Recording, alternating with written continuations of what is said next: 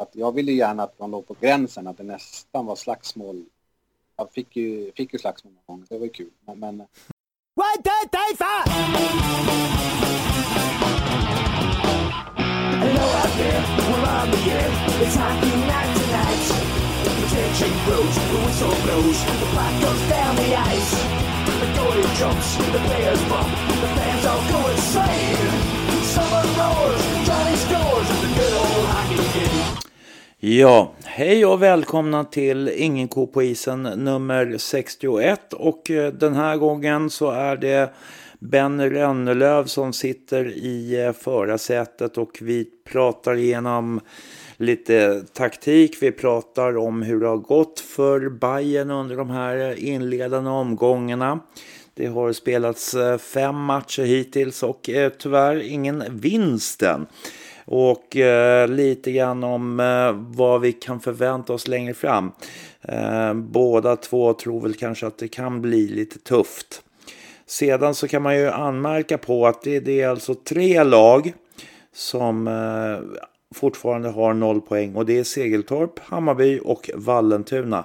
Dock ska då sägas att Vallentuna har en eh, del coronafall. Så därför så har inte de spelat och Eh, vi förväntar oss väl att eh, de spelar sin första match imorgon. Eh, imorgon är då onsdag den 21. Och det är den 20 som jag spelar in just den här lilla intron. Och eh, det var under gårdagen som jag hade ett litet samtal med Ben Rönnlöv. Vi pratar också lite powerplay, eh, hur, eh, hur man ska agera och eh, lite tankar runt omkring om hur, ja, hur, hur man ska agera på isen helt enkelt och sådär. Och så pratar vi faktiskt lite styrspel som kanske har varit Bennys tillgång när han väl har klivit in som tränare i de fall det har behövts. Eh, ja, det är väl ungefär det som jag har att säga just nu. Eh, under den eh, morgondagen, alltså den 21 oktober, så spelar Bayern mot Strömsbro hemma. Och eh, ja, kanske kan vi få se ett litet trendbrott här. Eh, vi spelade ganska länge under, i två perioder då, då så efter två perioder så var det 2-2 mot Huddinge. Huddinge borta då. Eh, men eh, sen så i sista perioden så vart det då 4-2 till slut. Och eh, det man kan anmärka på det är väl det att utvisningarna var klart mycket färre den här gången. Och jag hoppas på att det kan hålla i sig så att kanske en, ett fall framåt helt enkelt. Och ja, det är väl inte så mycket mer att säga om det. Eh, I övrigt så är det om man vill gå på matcherna så är det som sagt att hålla utkik på Hammarby Hockeys hemsida. Det ska mejlas in om det är så att man vill gå och sen så är det VIP-gäster och eh, sådana som är undantagna ifrån mejlinglistan och sen så är det först till kvarn som gäller. Det är väl lite grann angående detta. Eh, I övrigt så har jag väl inte så mycket annat att säga än att eh, ja, vi drar väl igång avsnittet helt enkelt. Så får ni ha det så bra. Jag skulle ju också vilja, ja just det, vi ska dra det också. Ehm, vill ni komma i kontakt med mig så ta mejla på stefan at ingenkopoisen.se Stefan at ingenkopoisen.se för synpunkter förslag på en det ena en det andra så ska vi se vad vi kan göra. Och sedan så får ni jättegärna ta och bidra med eh, något litet swishbidrag på 070 3577 388 070 3577 388 och det är alltså swish-nummer så att ni kan nå mig på det. Eh, helt enkelt för att bidra till podden så att jag kan driva det här vidare. Det vore väl jättefint. Och eh, annars så, som sagt så uh, får ni Benny Rönnelöv här. Okej, okay, tack.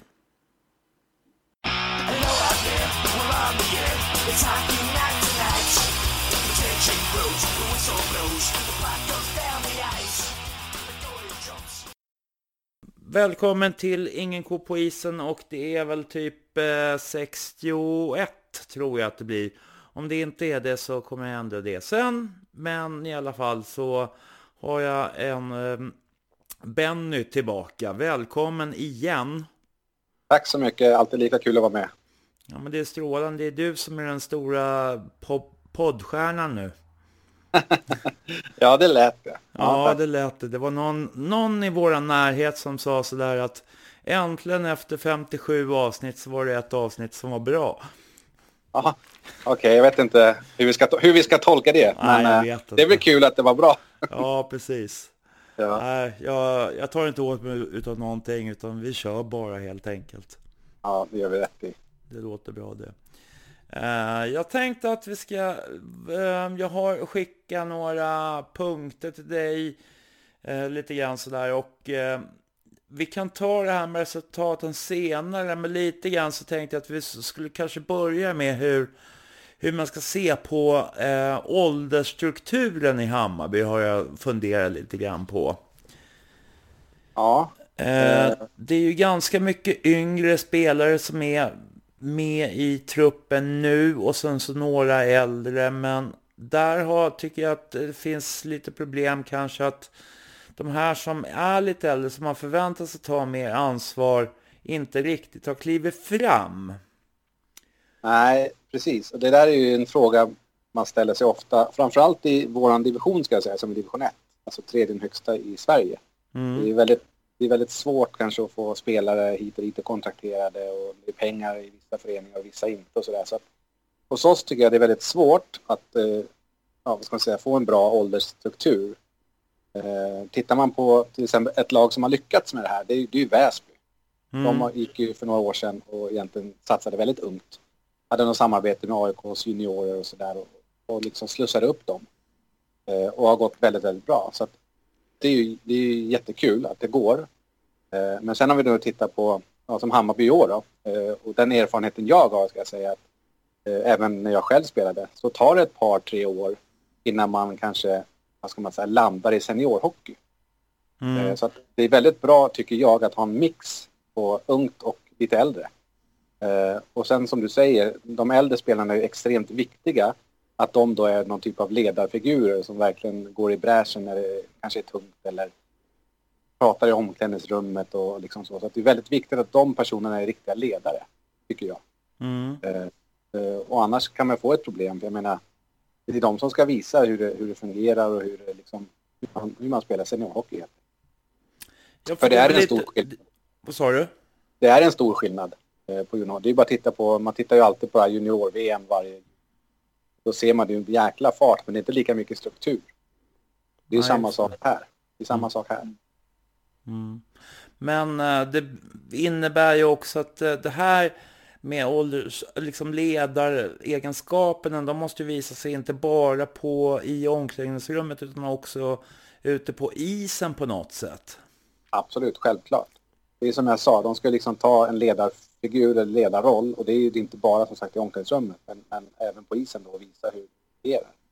Så det är väldigt viktigt att de personerna är, är rätt så stark, starka individer skulle jag säga. Mm. Men du pratar om uh, att få det här att funka efter kanske två, tre år. Ja, alltså en del, det, så är det ju med allt i och för sig. Alltså det tar ju, en del lär sig ju snabbare och en del tar lite längre tid. För, alltså, nu snackar vi hockey här såklart. Men, men ja. eh, och, och, då är det ju liksom att en del klarar det kanske på ett, en halv säsong och känner att men nu funkar det här, nu, nu fattar jag ungefär hur det funkar. En del kan det ta uppåt en två säsonger liksom och landa i det. Mm. Hur det fungerar. Men många gör ju, alltså det går lite snabbare, det finns mer struktur i seniorhockey vad det är juniorhockey. Gör man ett misstag så kan man lätt bli straffad och så vidare. Så det är många individuella misstag som man kanske gör som ung som man inte gör när man är äldre och etablerad. Ska man säga. Det är rutin också. Mm. Men det, det, jag upplever ju att eh, i Hammarby har vi haft lite svårt att få en ordentlig struktur som sträcker sig över flera år. Ja, eh, och där tror jag, alltså nu har jag varit med som tränare så också. Jag menar, ekonomin i Hammarby är inte alltid den bästa, som vi kanske vet. Eh, då kan man inte heller man säga, få eh, de spelarna man själv kanske vill ha från början. Att man inte råd då kanske att betala eller vad det nu må vara. Så då får man försöka hitta spelare som, som är billiga och eh, passar in i den spelmelodi som man vill, vill köra. Eh, och där är det viktigt att en tränare då har någorlunda koll på hur vill jag spela, vad ska vi spela för typ av hockey och så vidare. Då måste man försöka hitta spelare efter det. Mm. Tittar vi Hammarby nu då, för i år så är de rätt så unga tränare som har varit på juniorsidor sidan i Södertälje. Mm. Eh, de har många unga spelare vilket innebär att det är kanske, nu har jag sett ett par matcher, jag har inte sett så jättemycket. Eh, men jag tror att det är väldigt mycket juniorhockey-tänket eh, i det. Vilket man ser också, det är mycket utvisningar, släpper in mycket mål, vilket är man kanske inte är riktigt strukturerad i försvarsspel och sådana saker som, som en, en etablerad spelare utnyttjar helt enkelt. Mm. De får för mycket, de får för mycket ytor kanske i våran försvarszon.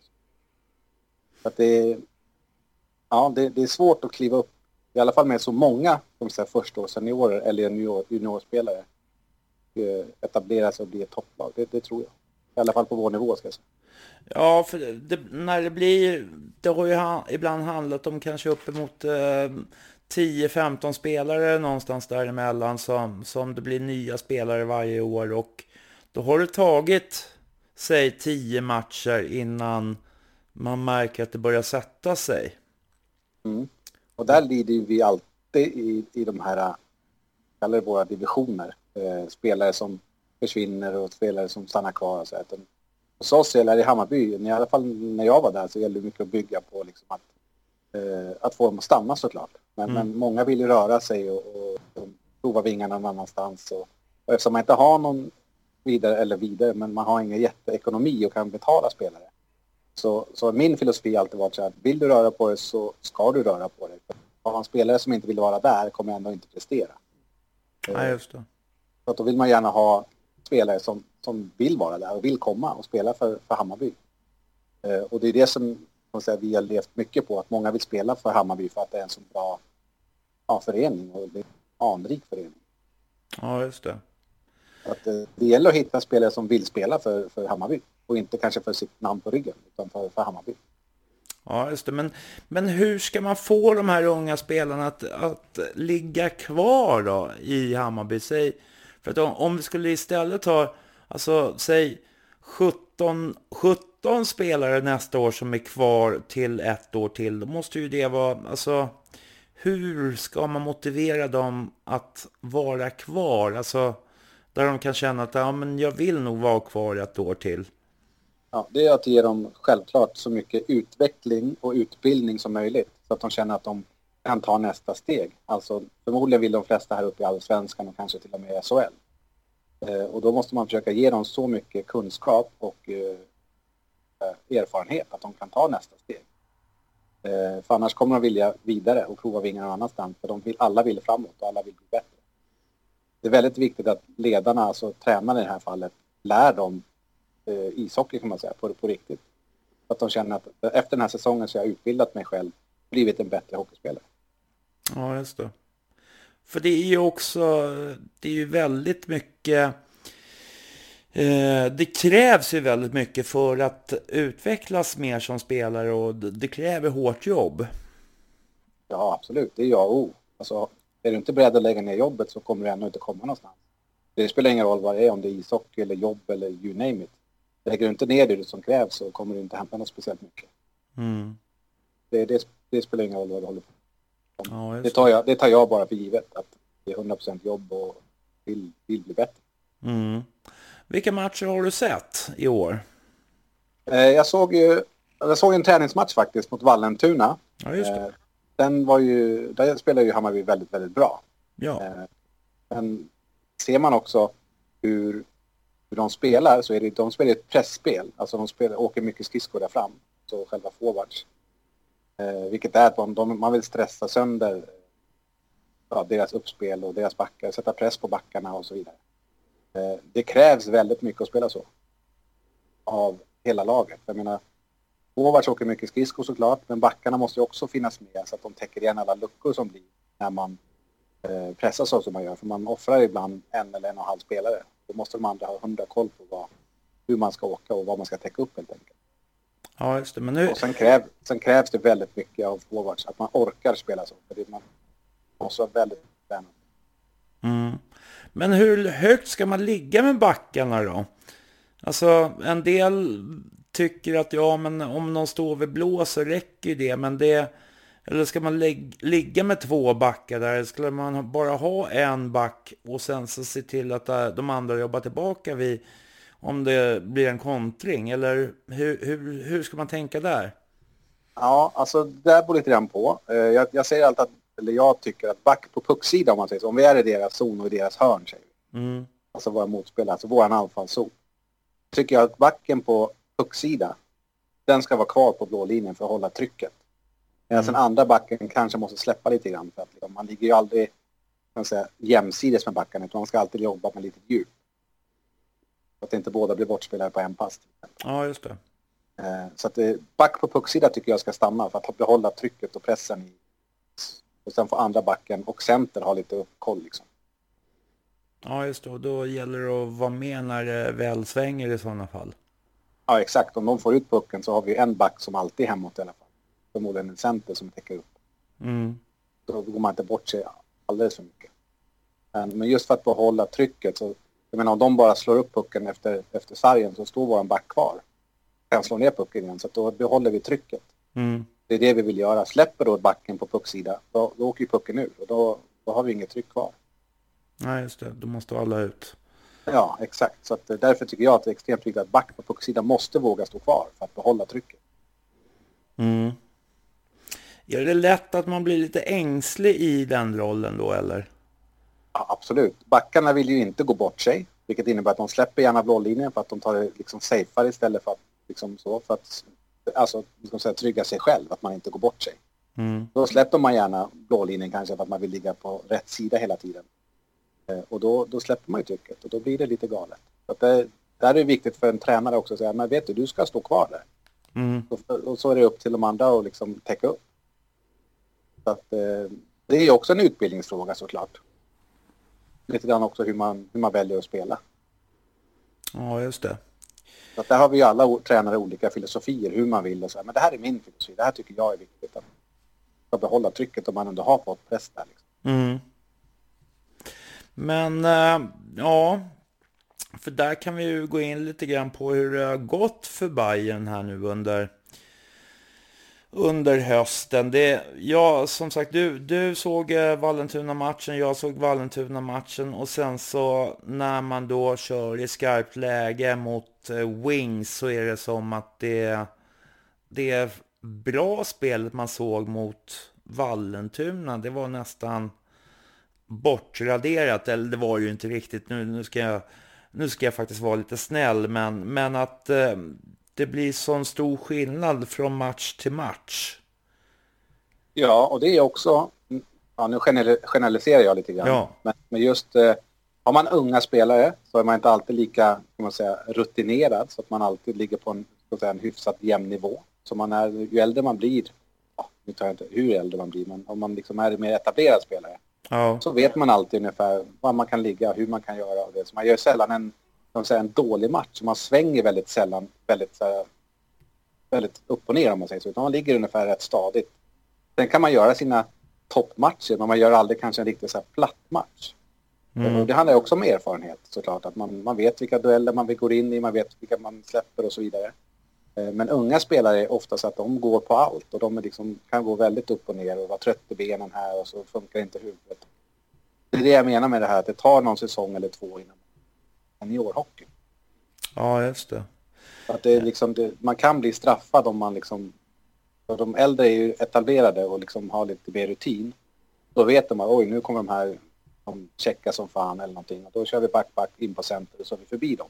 Mm. Eh, till exempel. Eh, och då, då lär man sig det rätt så snabbt. Utan, ja, nu kommer de här de, tågen och bara kör. Då lägger vi en pass och är två forwards borta till exempel. Så det, det är väldigt, väldigt lätt liksom att att man går bort sig, ska man säga, som ung, ung spelare. Mm. Men... Och ett pressspel ska jag säga. Ja, men för där har vi ju liksom, ja, ett pressspel och sen så... Eh, tror jag mig väl veta att du vill ha det som kallas mer för styrspel kan jag känna. Kan det, stämmer det? Ja, ja, det kan man säga. Jag har ju kört pressspel också. Eh, men det jag har märkt funkar bäst i, på den, där vi är, är ju ett styrspel. Eh, och styrspel är ju egentligen att vi, vi ska bestämma åt vilket, vilken sida de ska välja till exempel och göra sitt uppspel på.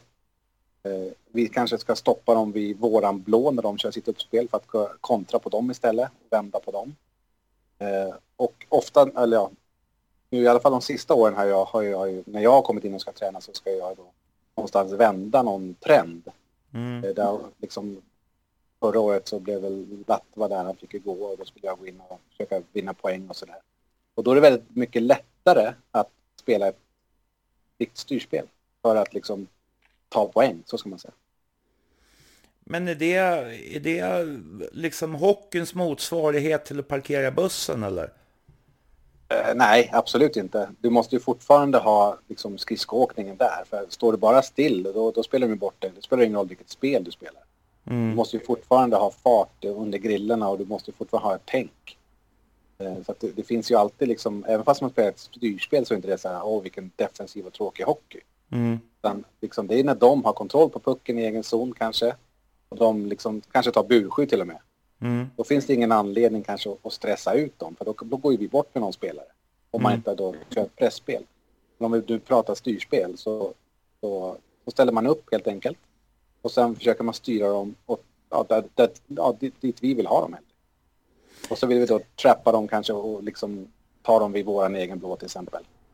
Just, men innebär, innebär det spelet att man överbelastar den ena eller andra sidan lite grann då? Ja, det kan man säga. Absolut. Man, man eh, tänkte att du liksom försöker skärma av, alltså att de får så lite isyta som möjligt. I egen zon får de rätt mycket is. Mm. Men sen när de väl har valt en sida, om de passar upp på högersidan till exempel, då kommer ju en press egentligen. Mm. Fast det är ett styrspel, utan då pressar vi dem. Så att de bara kan göra kanske ett eller två val. Det, det, det bästa de kan göra det är ju kanske att kanske slänga ner våran zon, men då har de inga som, då tar vi pucken. Mm. Så att det är liksom, de väljer sida och när de har valt sida då, då kommer ett pressspel. Att vi kommer pressa dem hårt så att de, de inte har någon att passa helt. Ja, det, är det, det är det det går ut på, att man liksom ska försöka sätta dem i någon typ av fälla kan man kalla det. Ja, just det. Men varför, varför är det lättare och när du kommer in, när du har kommit in så att säga och du på något sätt ska vända en trend, varför är det lättare att ha ett styrspel istället för ett pressspel? Eh, för det första så går man inte bort sig lika mycket, man har mer folk hemåt. Eh, alltså när vi ska försvara då. Som mm. Så det är mycket enklare att liksom ha folk hemåt och på rätt sida hela tiden. Eh, om man då kör ett pressspel så är det också en väldigt, väldigt svår, vad heter det, alla måste göra rätt hela tiden. Mm. Och om man inte gör det så, vad heter det, ja då blir det galet. Så du måste sätta press på ett visst sätt. Alla fem spelare har alltid en uppgift, även i ett styrspel. Har du ett pressspel och du går bort det, då går du bort det rätt så mycket kan man säga. Mm.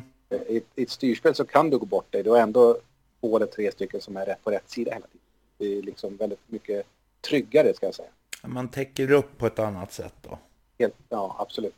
Mm. Så att, eh, ett styrspel är ju mycket enklare tycker jag att, att ha folk på rätt sida och hemåt och liksom styra. Eh, ja, de får inte lika, det blir inte lika mycket Hawaii-hockey kan man säga. Nej, just det. Just man byter inte chanser med varandra lika mycket. Nej. Det blir lite mer kompaktare på det sättet då. Exakt, helt klart. Mm. Ja, nej, det är intressant och eh, väljer man att ha eh, pressspelet istället för styrspel beroende på den åldersstruktur man har eller vill man ha det ena eller det andra spel på grund av den eh, åldersstruktur eller liksom på grund av det tänket man har inom hockeyn då eller? Vad tror ja, du? Det där, ja, det där är nog lite både och. Eh, jag menar, man kan ju köra både och egentligen. Om man vill ändra en matchbild så kan man ju, ja men nu kör vi pressspel utan vi ligger på utav bara den. Eh, om man kanske ligger under med ett par mål liksom inför sista. Och så väljer man, ja men nu kör vi. Vi stressar deras backar. Vi, liksom, du kan ju ändra ett spel under matchens gång också. Mm. Eh, men då måste du ju som sagt, då måste ju alla vara införstådda i hur vi ska pressa eller när vi försvarar och så vidare. Eh, jag minns ju själv, jag var ju första gubben när jag spelade antingen ett styrspel eller inte. Mm. Då valde jag kanske att nej, men nu vill jag pressa. Och då måste de andra fyra gå med mitt pressspel om man säger så. Ja, men kan man snacka ihop sig med det bytet som man har då, eller? Ja, det må, absolut. Du pratar hela tiden i, i femman eller i laget och så under, liksom, under spelets gång. När man går in och till exempel byter och sådär. Så, så pratar man ju. Mm. Att det är väldigt mycket kommunikation som sker i båsen. Om man säger. Mm. Men nu, han, han, vi, vi pressar deras backar eller vi gör det, gör si eller så. Det är även upp till tränarna att liksom styra sina spelare. Det är som en, det är som en ledare som säger hur vi ska spela. Ja, just det.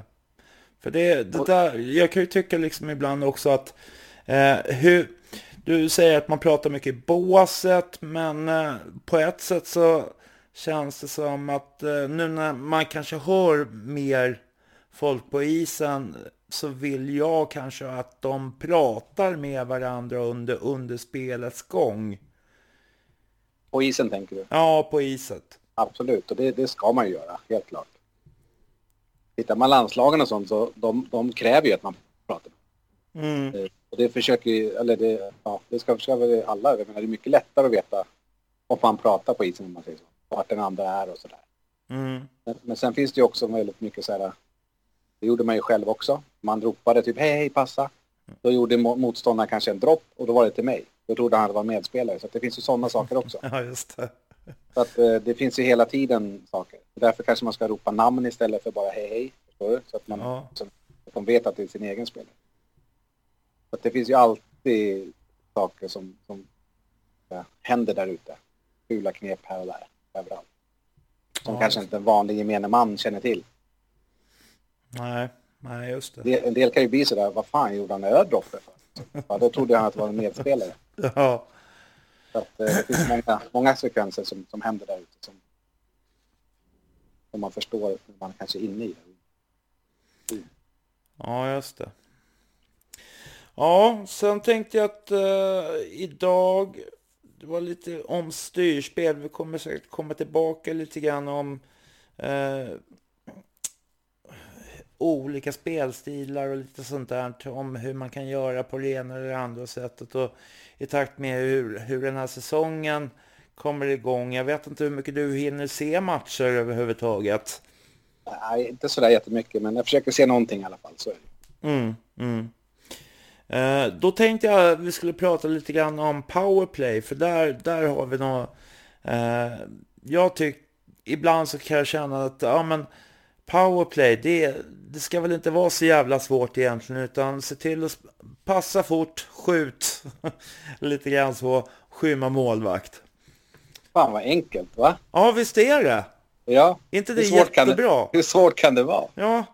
Ja. Jag har ju löst problemet. Ja, då så. Men då, då är det lugnt ju. Ja, just det. Nej, men du har, du har helt rätt. Eh, pucktempot ska ju gå upp egentligen, det ska gå fort. Ofta när man har powerplay det ser du ju själv också. Mm. Då går tempot ner. Ja. För att man är liksom en mer och man, det är ju lugnt och hit och dit. Men går pucken snabbt så hinner ju inte motståndarna med eftersom man är en man mer. Ja, Men ofta det som händer är ju att man för det första tar ner pucktempot. Och sen vill man alltid ha något jätteläge att skjuta på eller någonting. Mm. Du säger att det är lättare, pucken går snabbt, in med pucken på mål och vinna andra pucken eller turerna. Det är jätte, jätteviktigt. Men mm. då vill man gärna ha någon ha öppet mål. Och det kommer ju aldrig hända. Det händer väldigt, väldigt sällan. Tittar man på de målen som görs i powerplay så är det ju skott från blå eller från, ja, från kanten och så lite styrningar eller så blir det någon retur. Det är, mm. det, det, är det, som är, det är det som är melodin egentligen. Ja, för det är ju ingen öppen chans oftast. Nej, väldigt, väldigt sällan ska jag säga. Mm. Eh, och, och, det som händer när, när pucktempot går ner det är att de här fyra spelarna, om vi tar fem mot fyra, eh, så är det ju att då hinner de styra och täcka varenda skott. För att pucken går inte tillräckligt snabbt. Mm. Så att för det där, skulle jag säga är viktigt.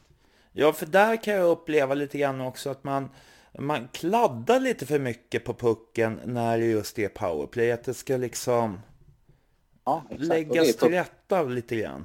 Och det är ju pucktempot Ja. Så att, eh, ja, du har helt rätt i det du säger och det är inte så svårt egentligen att spela powerplay. Eh, men man gör det mycket krångligare än vad det egentligen. I min värld, två, tre snabba pass, skott, vinn andra pucken, börja om, kör. Mm. Så att det, är, det är det som ger liksom, men, men jag håller med dig, jag har inte heller själv lyckats träna powerplay att det jätte, jättebra. Ja, för då kan jag tycka så här att då är det nästan bättre att ha ett så att säga eh, slarviga powerplay där pucken går fort. Liksom säg, säg det går tre pass och, så, eller liksom, och på den tredje så är det skott. Och så kanske den liksom åker ur och så hinner du inte riktigt med där. Okej, du får spelare emot dig, men du är ju ändå en man mer i den situationen. Då kan jag tycka så här att ja, men det kanske är bättre att ha två sådana situationer i ett powerplay än att ha, ha en och en halv minut där det står och tuggar puck fram och tillbaka och det går alldeles för långsamt. Ja, så är det ju helt klart. Det som är viktigt med ett pucktempo det är att puckarna sitter på bladet också så att man inte måste ta emot dem med någon sko eller den ligger lite dåligt. Är, när, när man då kanske då stressar upp sig själv så kan man skicka iväg någon dålig pass. Mm. Då förstörs ju allting. Mm.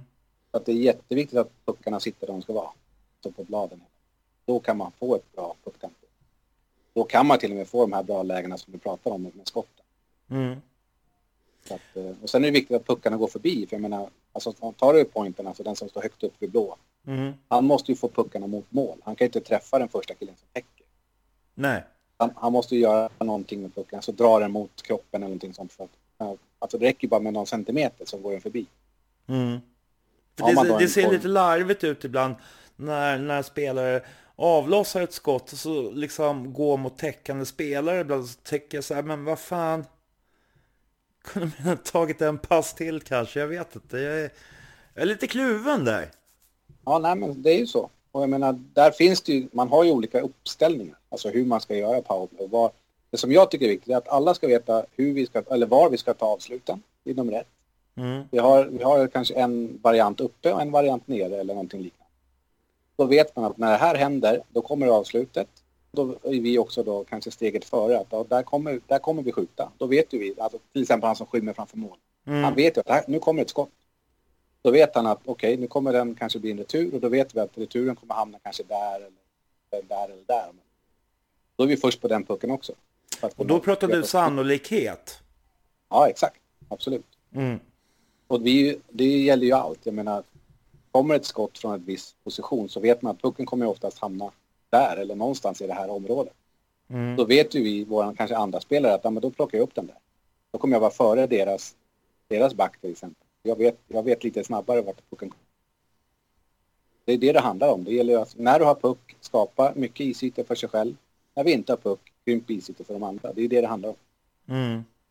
Och eh, det här eh, täckandet framför mål då, för att jag menar Eh, jag kan tycka, alltså det där går ju, det är ju väldigt mycket i skillnad från, från, från ett powerplay till ett annat när man väljer att gå in och täcka framför mål och jag kanske hävdar att man alltid ska täcka framför mål. Ja, det beror på vad, återigen vad du vill ha. Sen är det svårt. Vissa vill inte stå där för de vågar inte stå här för mål. De kan få en puck på sig. Det är därför man vill inte ha skymningen ordentligt. Det vet jag att du är väl expert kanske på att gnälla på det. Jag vet inte. Men det, det, det, det är tufft att stå där framför för du kan få en puck på dig. Du kan mm. få den i munnen också. Så att jag menar, det är inte alla som har den mentaliteten att stå där. Så det gäller som tränare och spelare att säga, välja de som vågar stå där. Mm. När pucken kommer från blå på ett direktskott och det blir fladder eller blir liksom, man får ingen riktig styrsel, då kan den komma var som helst. Mm. Så att eh, det är en mentalitet för spelaren som ska stå där också. Ja, All, alla står inte där, det kan jag säga direkt.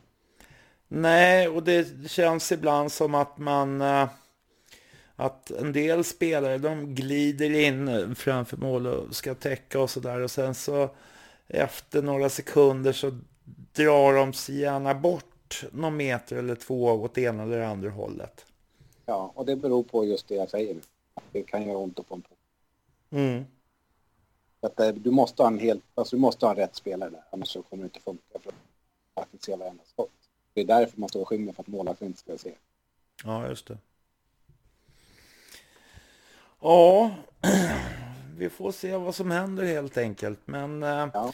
det är helt klart intressant. Vi tänkte vi ska ta upp boxplay en annan gång faktiskt. Till nästa gång. Ja. Så att eh, vi håller, har lite, lite grann och svamla om till nästa gång också. Ja. Eh, jo, och eh, vad säger du om, eh, om vi går över nu till eh, serien och eh, spelprogrammet.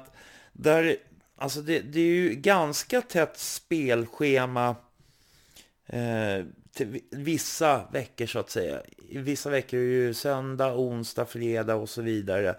Eh, och sen så helt plötsligt så är det uppehåll en vecka. Och det, jag för, förstår inte varför man inte försöker dela upp det där på ett mer sansat sätt. Nej, men det håller jag med om. Det, det är ju samma sak när vi höll på. Så ibland är det, som du säger, fyra matcher i veckan och sen är det uppehållet två veckor. Det känns så här, äh, blir det hellre ut. Men om det ska vara klart ett visst datum så kan man ju lägga kanske två matcher i veckan. Vad man nu vill göra, jag har ingen. Det blir väldigt tajt matchande ibland. Jag, kan hålla med dig helt klart. Där måste man. För det känns ju ändå som att, jag menar när man är i division 1-hockeyn i alla fall, att det, det, de flesta som är... Det är väldigt få som är med i landslaget i alla fall. Ja, ja precis. Jo, men så är det ju. Och sen så är det ju det att de, de flesta kanske jobbar och liksom på det ena eller det andra sättet. Att det, det, det tar väldigt mycket över en säsong känns det som. Absolut, så är det ju. Och där är ju också en aspekt som jag var inne på förut med pressspel slash styrspel. Mm, Gör du pressspel så kräver det mycket mer av din kropp, om man säger så, din fysik. mm, Och har du fyra sådana liksom, maxinsatser som du måste ha, det är klart att det blir galet. mm. Men funkar, för, för där kan man ju tycka då i sådana fall att då, då skulle det ju nästan vara bättre att, ja men säg mot Hudiksvall här nu, så, liksom mot eh, Hudiksvall, Bayern 10-2. Och då är ju frågan så här, ja men är Hudiksvall så pass bra eh, så att det blir de siffrorna hur som helst eller ska man kunna tänka sig att spela ett eh, styrspel istället som är kanske lite mer effektivt på något sätt eller att man, man kan hålla emot på ett annat sätt. Ja, alltså jag tror ju, jag, nu var inte jag i Hudiksvall, men det jag tror, att de är rätt skickliga i Hudiksvall, det har alltid varit. Ja. Om vi då går, inom situationstecken, går bort oss, alltså vi pressar väldigt högt. Mm. En pass så är två spelare, kanske till och med tre spelare borta. Då får ju de en tre mot två läge. Och det, jag tror att det är det som har hänt så ofta. Mm. Att de, och sen såg jag det var en del power också, äh, powerplay. Ja, Det ser jag generellt att det är väldigt mycket utvisningar som vi, eller som Hammarby har. I Ja. varje match. För det är ju, för där tänkte jag till exempel på, fast den, eh, jag vet inte hur det var med det, men för det var samma mot Nyköping, samma domare mot Nyköping som eh, mot Enköping. Och det, jag vet inte vad det var med den domaren. Jag vet, jag, jag brukar ju i och för sig inte vara så positiv mot domarna över, överlag, men han var nog nästan extremt petig på ett sätt mot Bayern kändes det som, även om jag är väldigt färgad. Ja, det, det, de flesta är ju färgade. Eh, Men jag tror också att när man har, eller Hammar, det här är jag faktiskt, min teori är ju så här. Hammarby när de kommer på besök någonstans så Mm. gör ju alla en jättematch för man vill slå Hammarby, det är ju nummer ett. Mm. Domarna vet jag inte om det är samma sak, att man tycker till Hammarby. Det, det tror jag inte. Det kan upplevas så. Men som sagt, vissa, ja, vissa domslut är ju bättre än andra, så kan man säga. Ja, jo. Och jag kanske inte är mest känd tränare och var jättekompis med alla domare. Nej, kanske inte. Nej, eh, kan titta här. Eh, Hammarby-Enköping som det ändå blev bara 3-5 innan. Eh, men där var det alltså 14 utvisningsminut eller 14 utvisningstillfällen. Ja, men jag tror också det där har ju lite grann med, för igen, åldersstrukturen. Om vi går tillbaka där. Det är ett rätt så ungt lag. Eh, man kanske rappar och slår lite mycket. Man är lite som vattenskidor och så vidare. Alltså att man hakar på vägen hem. Mm. Eh, så att det finns eh, en, en sak där också, alltså man, inte liksom, man har inte riktigt koll heller. Medan de etablerade spelarna gör inte det. För det är ju väldigt mycket, det är väldigt mycket slashing och sådana där grejer som... Slashing är ju egentligen bara en lathet. Ja. ja. Det är för att man inte orkar göra jobbet hela vägen. Ja, men då handlar det ju om att man skiter i att åka skridskor. Ja. Mm. Du ska vara hårda så är det så. Mm. Sen vet jag inte var de här utvisningarna kommer heller. Om det är anfallszon så är det ännu värre. Ja. Där, ska vi, där får man ju inte ta en utvisning. Nej, det händer ju det också naturligtvis. Det, det, det känns som att det, det är fula efterslängar ibland och det, det bara... Alltså, det känns ibland som att motståndarlaget får dit Hammarby på ett sätt i, i känslan liksom för... Det, det, jag pratade mycket om när jag höll på som tränare var ju att vi, ska, vi måste ju träna mycket hårdare än, än vi spelar och spela alltså fulare. Jag menar, om vi kommer på match och inte är vana med att tacklas och sådär, då kommer vi bli ful, alltså göra de här efterslängarna. Att man inte är van att få en tackling. Vi är för snälla på träningen. Mm. Att jag ville gärna att man låg på gränsen, att det nästan var slagsmål jag fick ju, fick ju slagsmål någon gång, det var ju kul. Men, men eh, jag vill att de ska ligga där på gränsen, just mm. för att man ska vara van. För att när matcherna kommer, då kommer det smälla. Det är ju bara så. Mm. Och är inte du van att få en tackling på en träning, du får en tackling på match, då blir du förbannad och så slår du tillbaka och så blir du utvisad. Att det är inte första smällen som blir utvisning, utan det är oftast efterslängen. Ja, just det. Just det är bara ditt eget fel. Ingenting annat. Det är därför man vill ha de här lite tuffare momenten att det nästan är liksom, det hänger i luften. Då är det, då är det som bäst. Ja, och då, är alla, ja, men då är alla skärpta också. Kan ja. åka på en propp, måste vara med hela tiden, annars så gör det ont. Så att mm. det handlar ju om det hela tiden. Och gör man inte det på träning, tacklas och så, och det kommer på match, då kan du ju fatta själv, då är du inte van. Då vill du, då vill du inte Då blir du förbannad. Ja, just då slår du, gör du en eftersläng. Mm. När du är van att träna med att det smäller hela tiden, varenda närkamp, då är det ingen fara. Då är mm. matchen, då är matchen rätt, rätt lugn. Ja, just det. För jag, jag kan ju bli... Jag blir ju arg på mycket i och för sig under match, men uh, just det här ibland att Hammarby har under flera års tid känner jag liksom när, när motståndaren kommer med puck i full fart, då har man lite svårt att ta kropp på den spelaren. Men då är lite grann frågan till dig nu att är det rätt att ta kropp på den spelaren eller ska man försöka vad är bästa åtgärden för att stoppa en... Ja, men du förstår situationen lite grann va? Ja, ja, både ja och nej. Det beror på vart är den här personen på, på banan? Hur ser det ut? Har han backchecking efter sig? Ja, men om man har, han har två spel, säg att de är två stycken som kommer och så kommer de lite V-formation, två stycken. Och det är de två spelarna som är farliga. Vi har, eh, vi kanske har Eh, en som är liksom ganska nära den frambrusande spelaren. Där tycker jag att man ska ta kropp för att han inte ska få iväg sin pass till medspelaren. Ja, men det där, jag förstår ungefär vad du menar, men det, allt handlar lite grann om hur, hur situationen ser ut. Alltså, är de två mot en, då kan man aldrig ta kropp. Det är helt omöjligt. Mm. Som en mot två, det kan ju aldrig gå på kropp. Nej, den är ju svårare. Ja, men mm. har, du, har du liksom folk hem och du kanske har en backcheck på honom, då är det klart att du ska stå upp. Mm. Så på kropp. En mot en också, det också svårt kanske att ta kropp i lägen. För att han kan göra bara en kroppsfint och så är du borta. Utan då måste du bara ligga där. Mm. Det är väldigt svårt att säga att du ska alltid gå på kropp. Det, går, det beror på situation. Det är därför man måste liksom ha, ha helheten. Mm. Jag kan inte bara säga att du ska gå på kropp på allt. Det, det kan du Det är därför det är viktigt att alla fyra, eller ja, fyra andra gör sitt jobb. Så backen, där är återigen, där har man ju liksom situationer där man tränare har sagt att men vi, ska, vi ska checka så här, vi ska backchecka så här och så här ska vi stå upp och här ska vi se. Det vet de ju redan hur det ska gå till förhoppningsvis. Mm. Men alla situationer kan man inte. Absolut Nej, just det.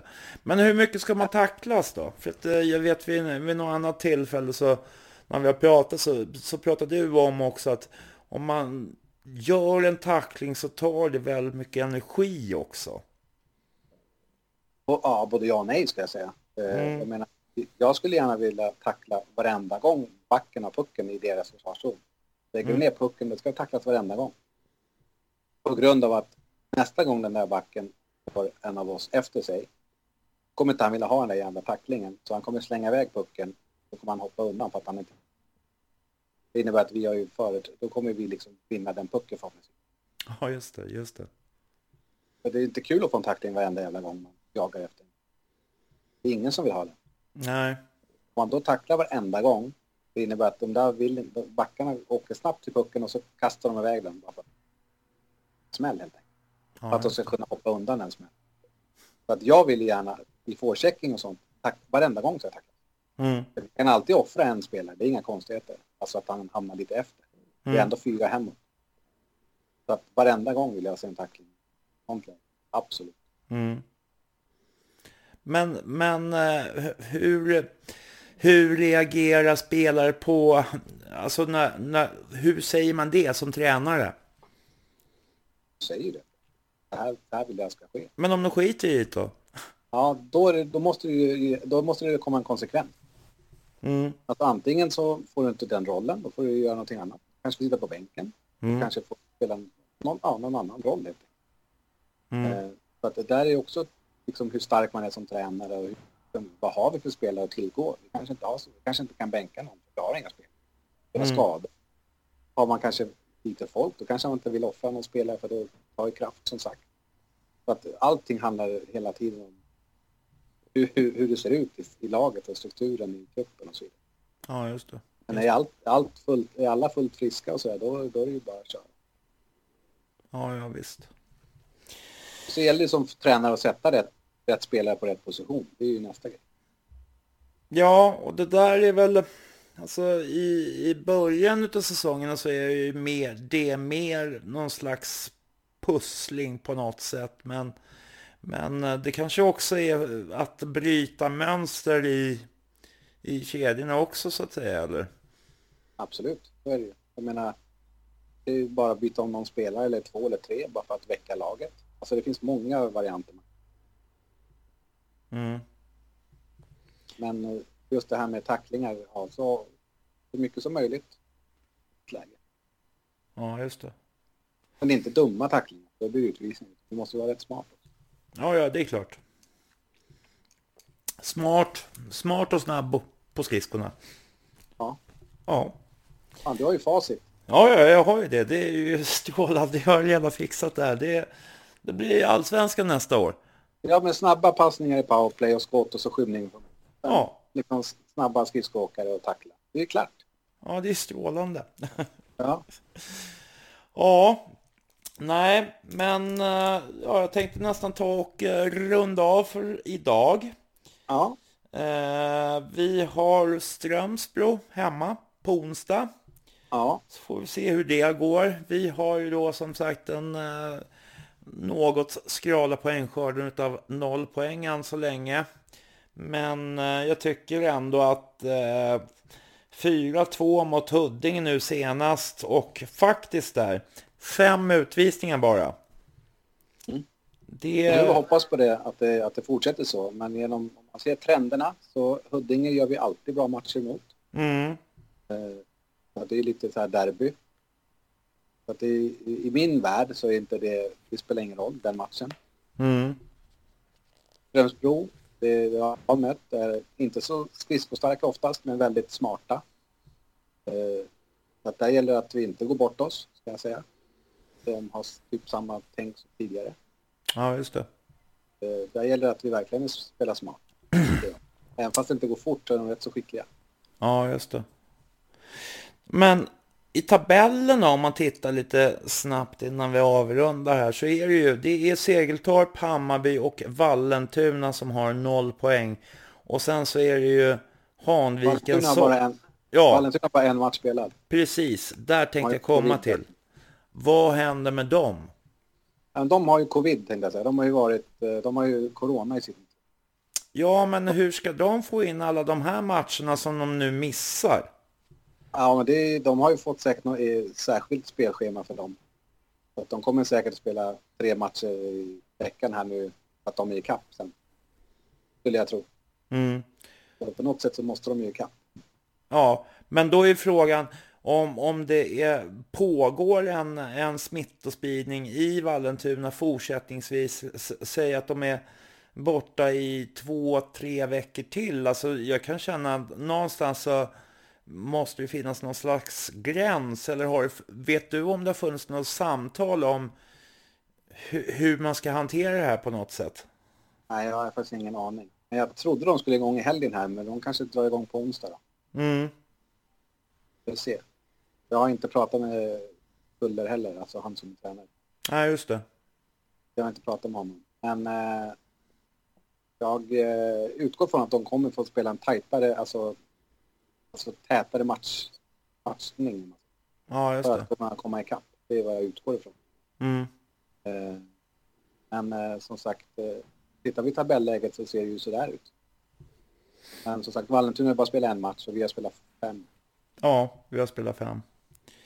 Men det känns ju som att vi, vi skulle ju behöva ha i alla fall två lag bakom oss för att kunna, jag vet för att kunna hålla oss kvar i ettan. Minst. Ja, ja absolut. Och det här kanske är ett samtal längre fram vi ska ta, eller podda om. Eh, när det liksom börjar, inom situationstecken, krisa. Ska man göra någonting? Ska man inte göra någonting? Eh, mm. Alltså jag tänker då kanske tränarbyte eller bla bla bla. Eh, men, men det kan vi kanske ta lite längre fram. Ja, jag tror att man kan vänta lite grann och det, det lite grann så är det lite sådär att det har nästan varit nästan varje år att det kanske nästan tagit typ tio matcher innan det har blivit någon vinst överhuvudtaget. Så då, sen så har vi börjat trampa igång på något sätt. Och det är väl också en produkt av att det är väldigt många nya i ett lag varje år. Ja, fast där måste också, de andra har ju också nya spelare. Det är inte bara Hammarby. Mm. Man kan inte vara färgad i allt. Nej. Att, eh, där måste man ju faktiskt se med lite ögon. Samma sak i varenda egentligen division 1 Så byts det mycket spelare. Mm. I alla fall i östra serien. Ja, men hur kan det komma sig att vi alltid har varit trögstartade då? Ja, det är ju en annan sak. Det vet inte jag. Nej. Och jag vet inte vilken statistik du har där, för det, det beror nog på lite grann. Ja, det, är, det är nog mer en känsla än statistik här. Det, det tror jag med. Ja. Så att, eh, de sista åren, jag vet inte, har det väl varit så. I år har det varit lite så. Förra året var väl också lite så. Året innan det var det nog inte så, tror jag. Nej, kanske inte. Jag har inte tittat tillbaka faktiskt. Nej, men däremot så blir det lite skala poäng kvar. Ja. ja. Nej, men uh, vi gör väl så. Vi hör, hörs väl av om en uh, sisådär en uh, två veckor kanske eller någonting sånt. Ja, det blir skitbra. Strålande. Så får ja, vi se hur det har gått. Ja, tack för idag. Får tacka dig så hemskt mycket. Tack, tack. Hej, hej. Tack. Hej.